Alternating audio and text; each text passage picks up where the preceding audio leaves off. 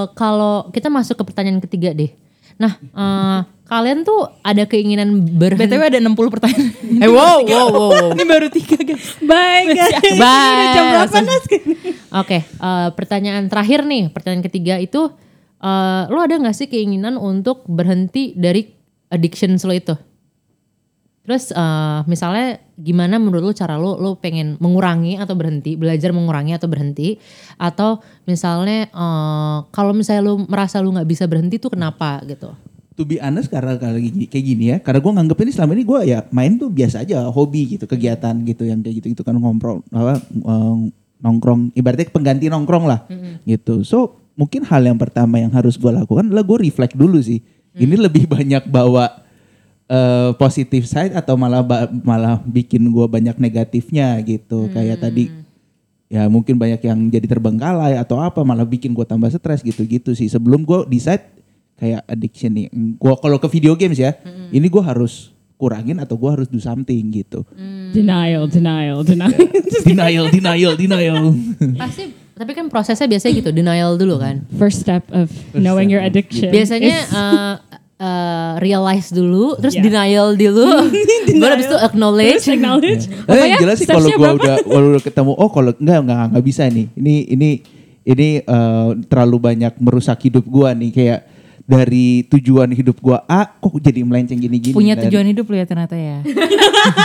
Alhamdulillah puji Tuhan ada Tapi as- I think as long as it's only a hobby, eh, menurut gue itu belum addiction sih. Tapi kalau emang ternyata lu ngerasa itu bener addicted, eh ya mungkin harus ada sesuatu yang dibenahi gitu. Iya kan? Iya gak sih? Mungkin kayak selama ini gue gak sadar aja kayak tiba-tiba kalau ih kok gue belum main hari ini terus kayak ih pengen main deh pengen main seharian lagi kerja di otak gue pengen main pengen main mungkin kayak gitu kan udah mungkin masuk addicted addicted gak sih?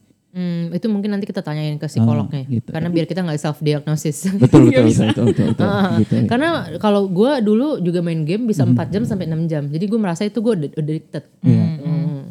Gitu. Makanya harus di gue analisa ulang lagi kan. Dulu Reflect. nyokap bokap gue sampai eh, timerin satu anak cuma boleh main game satu jam. Uh. Sampai kalau ketahuan itu kita bisa dimarahin. Tapi dulu gue gitu loh, semakin dikekang semakin gue Sampai Liar. sekarang deh kayaknya lo. uh Uh, lu gak bisa dikekang nih, cetar gitu. gitu ya kan. Oke. Tapi kayaknya kita tuh sebagai manusia, kalau kita perhatiin, kalau misalnya addicted tuh let's say Monica suka banget lari, eh terus kayak ah gue kayak udah over lari nih. Pasti lo bisa nemuin hal lain nanti yang lo addicted lagi deh. Kayak emang entah lo True. Iya gak sih true, true. kayak nantinya lo akan Iya kayak sih. Yaudah deh eh, lari kayak udah kurang ini nanti hal lain jadi kayaknya lo bisa deh. Eh, sebenarnya kalau lari itu gue belum pernah ngerasa sampai kayak gitu. Karena gue masih ada resting. Oh, Jadi- resting bitch face. Oh ya itu mah udah itu mah udah selalu ya. Bawaan, itu bawaan, itu bawaan bawaan. default itu, ya. itu brojolnya udah defaultnya gitu kan.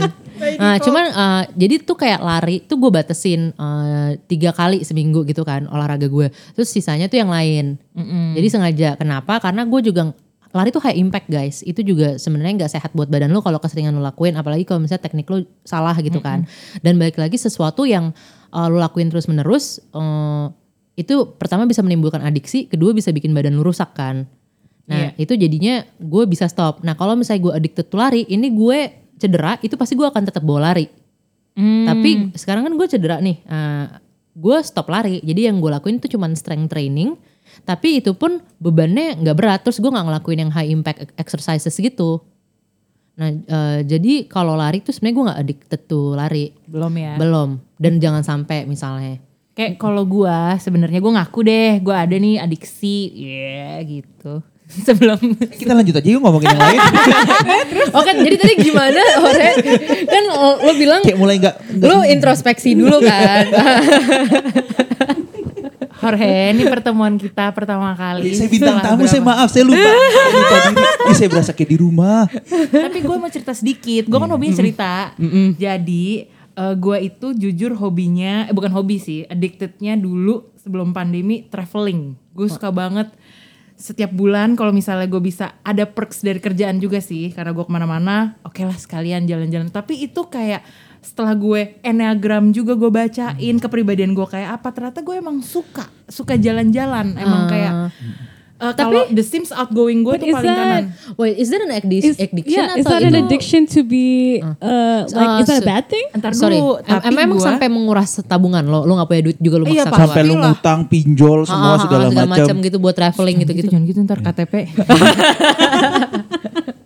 enggak enggak enggak sampai yang kayak gitu. Cuman itu ngebuat gue kayak oh yaudah deh gue akan mencari cara misalnya itu harusnya gue nggak kayak gitu tuh harusnya kerja nggak usah sampai yang ke mana-mana tapi gue akal-akalin ya bisa kok gue bisa ke sini ke sini ke sini karena sekalian Meetingnya dari dua Oh, jadi gitu. lima ya. Iya, kalau bisa 6. Karena gue suka banget yang kayak di eh, nggak tahu ya snorkeling tiba-tiba atau ke mana coba-coba hal baru yang kayak gitu-gitu deh. Terus itu kayak keeps me alive. Pandemi datang, stres lah gue nih si outgoing ini. Gue kayak mana nih? Jadinya ya? belanja online. itu udah jelas, tapi headphonesnya lupa gue eksekusi. yang gue beli makanan anjing. Oh, kalau hobinya belanja online, check outin itu gue dong keranjang gue di Tokopedia. Bener-bener nggak ada akhlaknya ya. nggak ada banget nih, ke nggak enakan gitu dikit. Udah ngerasa Udah gue cerita dipotong-potong mulu, emosi deh. Ini berasa kayak keluarga gue di sini. Harta yang Paling berharga. ya gitu. Jadi terus habis itu pandemi datang, gue bingung, nggak bisa ke mana-mana. Tetap aja gue cari-cari cara outgoing eh, wisata bakmi, cari bakmi bakmi enak. Wah ini kayak Jorge relatable banget nih. Enggak, enggak, enggak. Oh enggak, oh enggak. Oh lu makannya mie shirataki doang ya? Iya, Oh, iya. Saya eh, no gluten biasanya. Oh, no gluten. Mm, no. Percaya. percaya banget. Ya pokoknya gue kayak gitu-gitu deh gue cari-cari cara. Terus gue mikir kenapa sih gue harus mendapatkan happiness from the outside? Asik. Asik. kenapa sih gue harus keluar atau apa untuk keeps me alive gitu?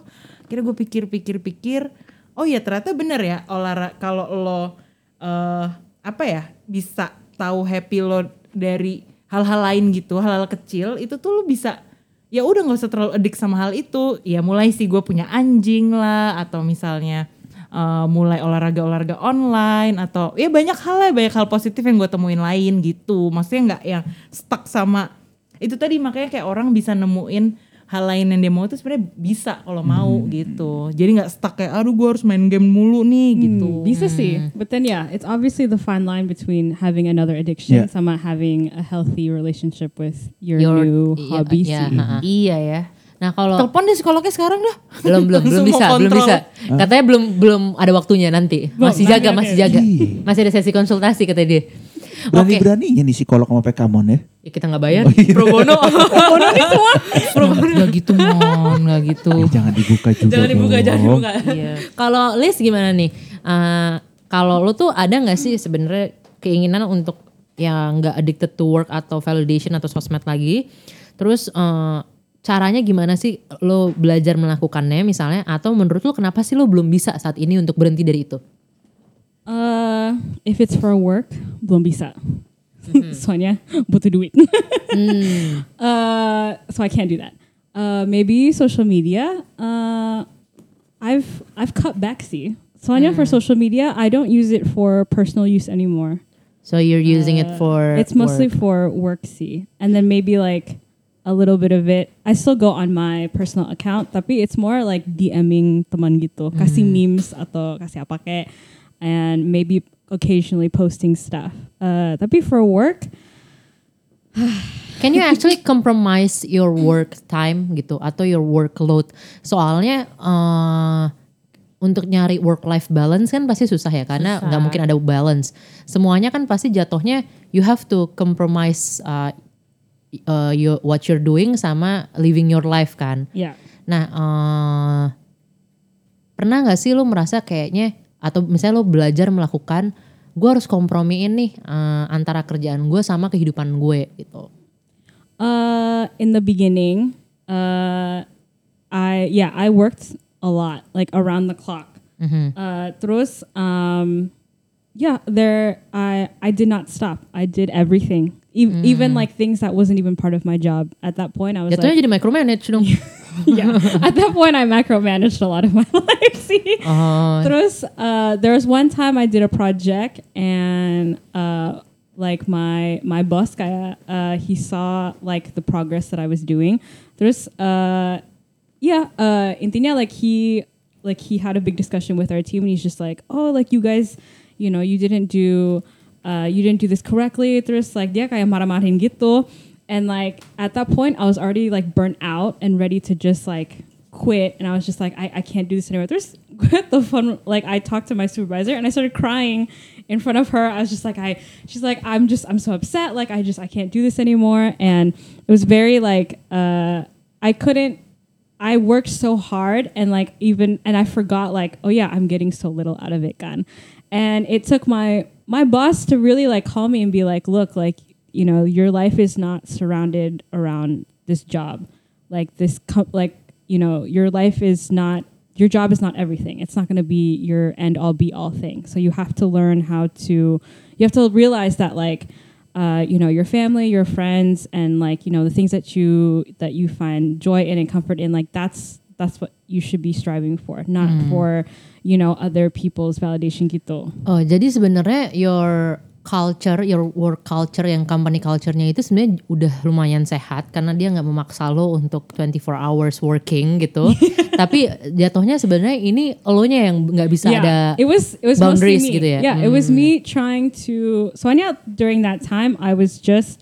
Uh, I got promoted or like I moved to a different department. Terus, uh, this is the first time I've ever been in this situation before.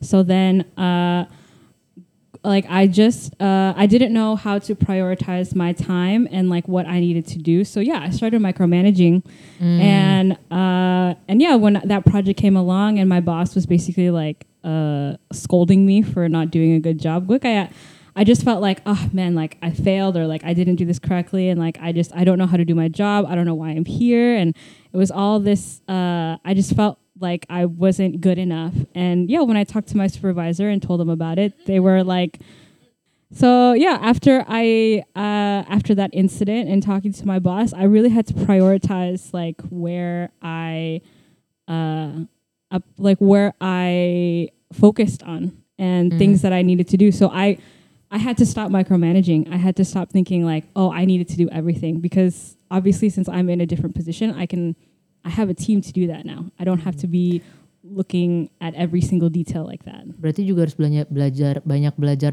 ber- mendelegasikan tugas sama percaya sama orang lain Iya. gitu. Hmm, soalnya emang ada beberapa work culture yang udah sehat tuh, yang Iya. mereka value rest dan emang uh, pekerjanya aja yang uh, nggak bisa keep the boundaries gitu. Yeah.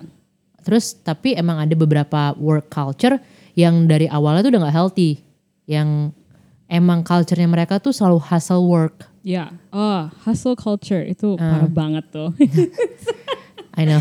especially especially now. Itu I think uh, because it, everything is still very uncertain in uh, you know in people's jobs right now. I don't know about Yuman or Jorge ni.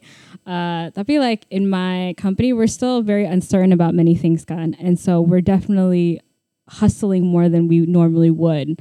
Uh, and especially if the pandemic is going to get worse, then like we obviously need to think of contingencies. Uh, and so that that definitely has affected me trying to figure like trying to prioritize my time with resting and uh, my time with working gitu. And there's been yeah, there's been times when like I sacrificed my own well being just so that I can get something done. Eh, kalau di kerjaan gue sih yang sekarang mereka sangat value resting ya. Yeah. Jadi emang mereka selalu mau lo kerja di jam kerja aja. Terus eh, benar-benar di value-nya perusahaan tuh ditulis rest. Jadi you you have to know when to work and you have to know uh, when to rest and have a life gitu. Terus eh, di culture kerjaan gue itu lo lembur tuh nggak setiap hari. Kayak jarang mbak, gue tuh jarang banget lembur gitu. Yeah. Terus di di kan- culture kantor gue tuh delega- delegasi sama trust itu penting sama integrity jadinya. Gitu. what my now I don't want to say anything bad. uh, th- like I guess for me, I'm scared to ask for that because that's such a new concept in the work culture here that I don't know if asking for a rest day at the time off for me to uh, to rethink and pr- reprioritize itu bisa. I think bisa deh soalnya gue juga awalnya mikir gue tuh nggak akan bisa melakukan itu di kantor gue yang baru walaupun ada jargon value resting gitu. Yeah.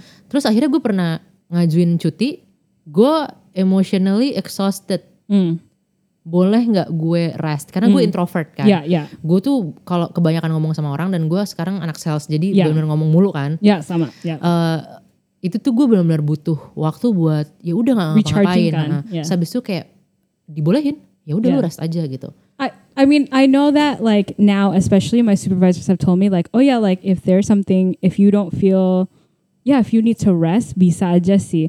Tapi I just, itu like, I don't know if it's the wa- how I grew up or it's like, uh, or what I think the culture is. Uh, that I just don't put like I th- I'm scared to ask like oh I need time off just so that I can sleep or that I'm experiencing burnout I need time to think because I know that they gave me that choice. Tapi I'm the type of person that's like I still won't take it. Like I don't want to. I don't want to burden someone else with my pri- like my Berarti things. itu perspektif yang lu bentuk di dalam eh, perspektif yang lu bentuk di dalam diri lu. yeah. Ya kan berarti lu create eh, skenario sama ekspektasi-ekspektasi Yeah. yang mungkin sebenarnya tidak kenyataan tapi lu belum menanyakan gitu. Yeah, yeah. Tapi eh, menurut gue ini proses sih, proses untuk belajar gimana sih caranya untuk bisa reaching for help Yeah. atau for like asking permissions, not even permission, asking your rights to actually resting gitu. Uh, tapi ya ini panjang ya PK Moners. Sorry ya. bu- bukan panjang tuh proses belajarnya gitu. Iya. Karena gue juga sempet ada di posisi yang gue addicted to work banget dan culture-nya juga kurang sehat gitu, nggak sehat sih. Uh, sampai gue depresi gitu. Yeah. There's I've definitely experienced burnt out and still worked through that burnt out. And there were points during the pandemic that I experienced yeah, depression juga and I felt like I couldn't do anything. Uh tapi recently I've started sort thinking more like yeah, I've started trying to prioritize myself and my own health first, but I still haven't had the uh I still haven't thought of asking for time. I think that's something I'm still Learning, on learning how to how, do to do. Yeah. I mean, I've I'm starting to learn how to say no if like I can't do it or if the situation is just not within my hands. That be when it comes to resting, gue beneran I don't know how to rest sih. I Belum, have- belum, belum. I, I, I, I have so many like jobs and I have so many responsibilities. Tapi like uh, the one thing that I don't, I still am trying to learn or that I'm not really sure how to process correctly is how to rest because I think you need to read The Ruthless Elimina- Eliminations of Hurry, the book.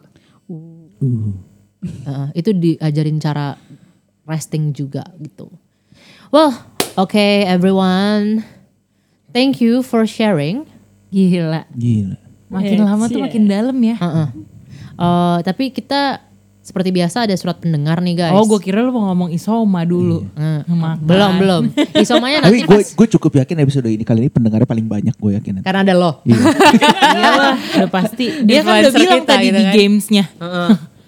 Nah, nah kita tuh ada surat pendengar seperti biasa. Uh, kita mau ngambil satu aja kali ya. Boleh. Nah, uh, tadi kan Dari ada, 200 cuman ada satu yang mau kita ambil ya Mon ya. Uh, soalnya tadi uh, Jadi sosial bener-bener kita saring banget. kita udah kita saring karena sosial media kan udah dibahas juga lah sama si ini kan Liz, Liz. Liz, ya. Jadi ada juga yang addictednya sama nih sama Jorge nih. ya uh, game terus ada juga yang addicted to work, ada juga yang kayak kopi, ada juga yang olahraga. Itu kan uh, udah sempat ter- terbahas sedikit lah ya. Nah, uh, ini ada addictions yang lucu nih. Kita kasih nama nih cewek apa ya? Karena Marionette uh, Barbie. Benar, boleh boleh boleh. Barbie Barbie atau Barbie? Barbie. Iya, Barbie. Barbie. Barbie, Barbie. Nah, Jorge Ken-nya. Ya, oh. Kayaknya nggak ada ken-kennya sama sekali. Kenly. Kenly, Kenly bukan Kenly nah, jadi eh, dibacain sama PK nih nanti Boleh, boleh. surat pendengarnya. Oke. Akhirnya PK kerja ya. Akhirnya dia kerja, ha-ha. karena gue mau ke toilet jadi biar PK aja yang kerja gitu. Ah, dikit tuh. nah, dia lucu banget si Barbie ini karena dia addicted to cleaning. Iya. Pas jadi pertanyaannya kan have you ever been or are you addicted to anything right now? Terus dia bilang I'm addicted to cleaning too much. Wow, bersih-bersih hidup gue boleh nggak? Itu dia, gue juga tadi Harus nawarin, ya. aduh, I wish nih si Mbak Barbie ini tetangga gue. Iya. Kalau lagi bete kan? gue undang ke sini beberes. Gila. gitu. Tapi katanya and using alcohol to sterilize everything ada punchline-nya. Oh, itu ini maksudnya alkoholnya steril lantainya dia. Sterilizer, Sayang banget gak sih? Enggak, enggak alkohol minuman itu. Oh, bukan. bukan. Lu udah, hah, Pikiran kan? gua udah- udah tahu. dituang-tuang Iya gitu kan, ya. kan. Pikiran gue udah habis bersih-bersih minum. Iya. Ya, itu masuk akal nih adiksinya lah. gitu. Cocok jadi tetangga kita. Itu. Siap, siap. Terus katanya eh, gimana sih addiction ini im kasih impact apa di hidupnya si Mbak Barbie ini? Kata dia pertama-tama itu normal, itu cuman part of my insecurities. But then somehow pathologic since it really takes most of my time in a day gue jadi bersih-bersih mulu. I cannot stop I could not stop thinking about it as well. Jadi kayak bangun pagi bersih-bersih. Lagi kerja pengen bersih-bersih. Lu bayangin gak sih kalau dia ada pacar tuh suaminya tinggal bareng gitu kan. Ih, kamu, muka kamu kurang bersih deh di, di disiram micellar water. Just adiksi orang aja kita ketawa ini bener-bener nggak ada. Lo berdua tuh ya kalau nggak ada Monica di sini. lebih hidup. Luar biasa ya kalian. Tolong ini pembicaraan diarahkan. Nggak, soalnya lagi ngomongin bersih-bersih. Dia pela- awalnya katanya normal tapi lama kelamaan kayak jadi setiap saat dia pengen bersih-bersih gitu. Rumah gue bisa sekalian. Iya. Oh, tapi ya. Tapi ini sesuatu adiksi yang Baru pertama kali Baru pertama Tapi, Tapi I understand, understand, sih, ya. pandemic ini, like I cannot, gue harus cuci tangan ya. Like Iya. even even with like hand sanitizer itu mas I can't Kurang. kurang. So like I need to do that. And when it comes to cleaning, misalnya my room or something, yeah, I'll, I have started doing that like at least twice a week. bersih-bersih Bersih-bersih, yeah, and I Twice don't- a week that's normal. Ini dari pagi. That's ini that's the least that's the least amount. The most I've ever cleaned my room is every single day. Itu kayak dua jam gitu. I went yeah I went through the whole, my whole room. dia dua jam sekali lu bersihin gitu. I, take everything off from my desk, gue lapin, I put it back there, and then like I, I rearrange uh, bookshelves gitu, iya. Kayaknya lu dua tahun sekali ya. Ya gue lebih banyak membersihkan pikiran gue. Iya. Dan membersihkan dari- hati gue. Dari segala macam toxicity dunia ini. Dari pikiran Gila. yang bersih itu kan langsung Langsung lah. Ada pikiran bersih bisa berjiwa yang sehat. Benar. Ya kan? Kayaknya pikiran lo masih kotor soalnya sampai sekarang jiwa lo masih kotor. Iya iya. Tadi aja begitu denger alkohol, loh kok McKellen dibuat bersihin lantai Oh, gitu langsung. langsung. ya dia pakai itu. Ini nyampe mana nih? Do you want to recover from the addiction? Yes, itu. Terus dia tuh jawabannya apa Simon? Oh bukan lu yang ngomong ya? Gue. Oh iya, gue, gue, gue, gue belum scroll, Gua gue belum udah udah gak apa-apa, gua aja, gua Oh aja. iya, iya. Gue, gue, gue, gue. Katanya, yes. Because being addicted to something means you cannot live without it. And it's taking most of your free time where you can do other things than cleaning. Dia nyadar. dia nyadar dia harus stop. Tapi dia nggak bisa. Gitu. Maybe at first you get addicted to it and next level could be obsessive compulsive disorder. Oh dia udah ini ini Oh dia itu extreme OCD OCD, ya? itu OCD. sebelum sebelum OCD. sebelum Oh, sebelum. sebelumnya. Oh ya. Oh jadi eh, So dia- she knows it's gonna go into OCD Oh, okay. if she keeps doing Tapi it. dia bilang it is more than just a habit. Obsessive compulsive is a mental ill- illness that will change your behavior. Jadi Iya. kayak dia udah di ambang batas nih dikit lagi. Iya, Iya, dikit lagi. iya, benar, Tapi gue penasaran banget nih sama si Barbie. Misalnya nih, ini kita lagi kayak gini nih. Oh ada gelasnya si Prince Jorge nih. Itu dia langsung kayak nggak bisa gitu kali ya. Langsung Iya. Makanya gue penasaran kalau itu kan ganti aja deh nih Barbie buat produser kita. Berguna. Eh, kalau kalian nih, gue tadinya agak bingung sih. Sebenarnya kalau cleaning itu jatuhnya addiction atau enggak nanti mungkin kita tanya juga ke psikolog ya. iya. Tapi kalau kalian jadi temennya nih, kalian bakal ngapain nih? Melihat addiction gue saya dia cleaning gini. bener-bener rapi banget ke rumah dia. Karena daripada nanti, dia nanti ngeliat gue kayak berantakan banget sih lo ayo ke salon gitu kan dia ntar Iya. bingung. Kalau si Barbie nebeng mobil gue pasti sebelum nebeng itu udah gue salonin dulu tuh mobil. Kita jadi jadi bring positive impact kan ke kita buat jadi bersih Iya bersih. sih, I would be I would be nervous to take her Yeah. anywhere Iya. Uh-huh. because I would be worried she would spend more time Yeah. uh, trying to clean the area instead of focusing on hanging out. Atau dia feeling uncomfortable juga ya. Iya. Karena menurut dia ini standarnya nggak bersih Iya. menurut dia. itu. Soalnya sebelum OCD kan itu paling parah kan. And so if she's if she understands that she's going to like that's the trajectory that she needs to like she's gonna go to and she's trying to fix that. Itu I I would still be very hesitant to take her anywhere that she's never been. Mungkin kayak hardware kita bisa kali. Banyak bersih-bersih. Jalan-jalan yuk. Mau kayak Ya kayak hardware. Ibu Barbie ini ini nggak ya si Mbak Barbie ini dia mau buka jasa goklin nggak ya? Itu dia. tapi kayak dia, tapi kayak dia akan tuh gue ajak ngobrol sih sebenarnya. Kayak gue penasaran Iya, kenapa. gue juga penasaran mau pertama kayak, ngobrol apa? Kayak kenapa tiba-tiba dia bisa jadi apa Clean ya? freak gitu. Bisa jadi clean freak atau bisa jadi suka banget sama cleaning tuh Oh. kenapa? Kayak gue pengen tahu gitu Tapi loh. mungkin karena pandemi juga bisa, Bisa sih. jadi. Bisa sih, bisa Iya jadi kayak sebenarnya apa ini gara-gara pandemi atau emang dari dulu gitu? Dan mungkin karena tuntutan profesi dia juga sih Iya. yang menyebabkan semuanya harus steril. Bisa jadi juga. Gila sok kenal sekali gue sama Ibu Barbie. kenal ya? Siapa padahal Ibu Barbie? ini? Bisa jadi bisa. Barbie lo tahu nggak orang? Gak tahu.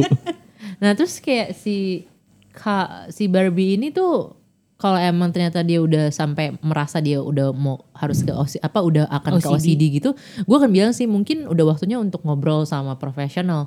Iya, Iya. iya, iya. Karena gue nggak tahu cara membantu orang yang emang udah So she knows her limits. ya OCD, OCD, OCD, OCD gitu kan.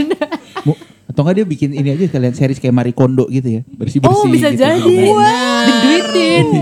Ini Iya, kita bener. kita maaf ya Barbie kita nggak ada yang tahu harus gimana nih untuk bersih bersih lo gitu. Iya. Nanti akan coba kita tanyain deh ke psikolognya. Hidup gitu. kita ya masih kok berantakan sekali. Iya.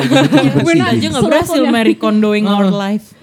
Tapi yang jelas kita penasaran sih kenapa lo bisa kayak gini dan nanti solusinya apa mungkin bisa kita tanyain ke psikolognya.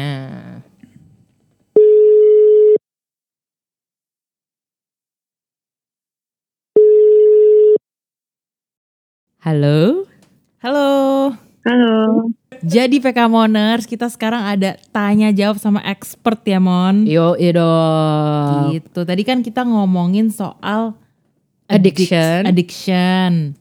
Nah, kita sekarang udah ditemenin sama dokter Given yang mau ngejawabin pertanyaan-pertanyaan yang tadi tuh kita bingung. Kita kayak mau nanya deh ke psikiater deh. Kita kayak mau nanya deh. Dari tadi kan kita begitu terus ya Mon ya. Yo, tapi mungkin sebelum kita mulai pertanyaannya, kita minta tolong Dokter Given untuk memperkenalkan diri dulu kali ya. Boleh, boleh. uh, namanya siapa, prakteknya di mana, dan spesialisasinya seperti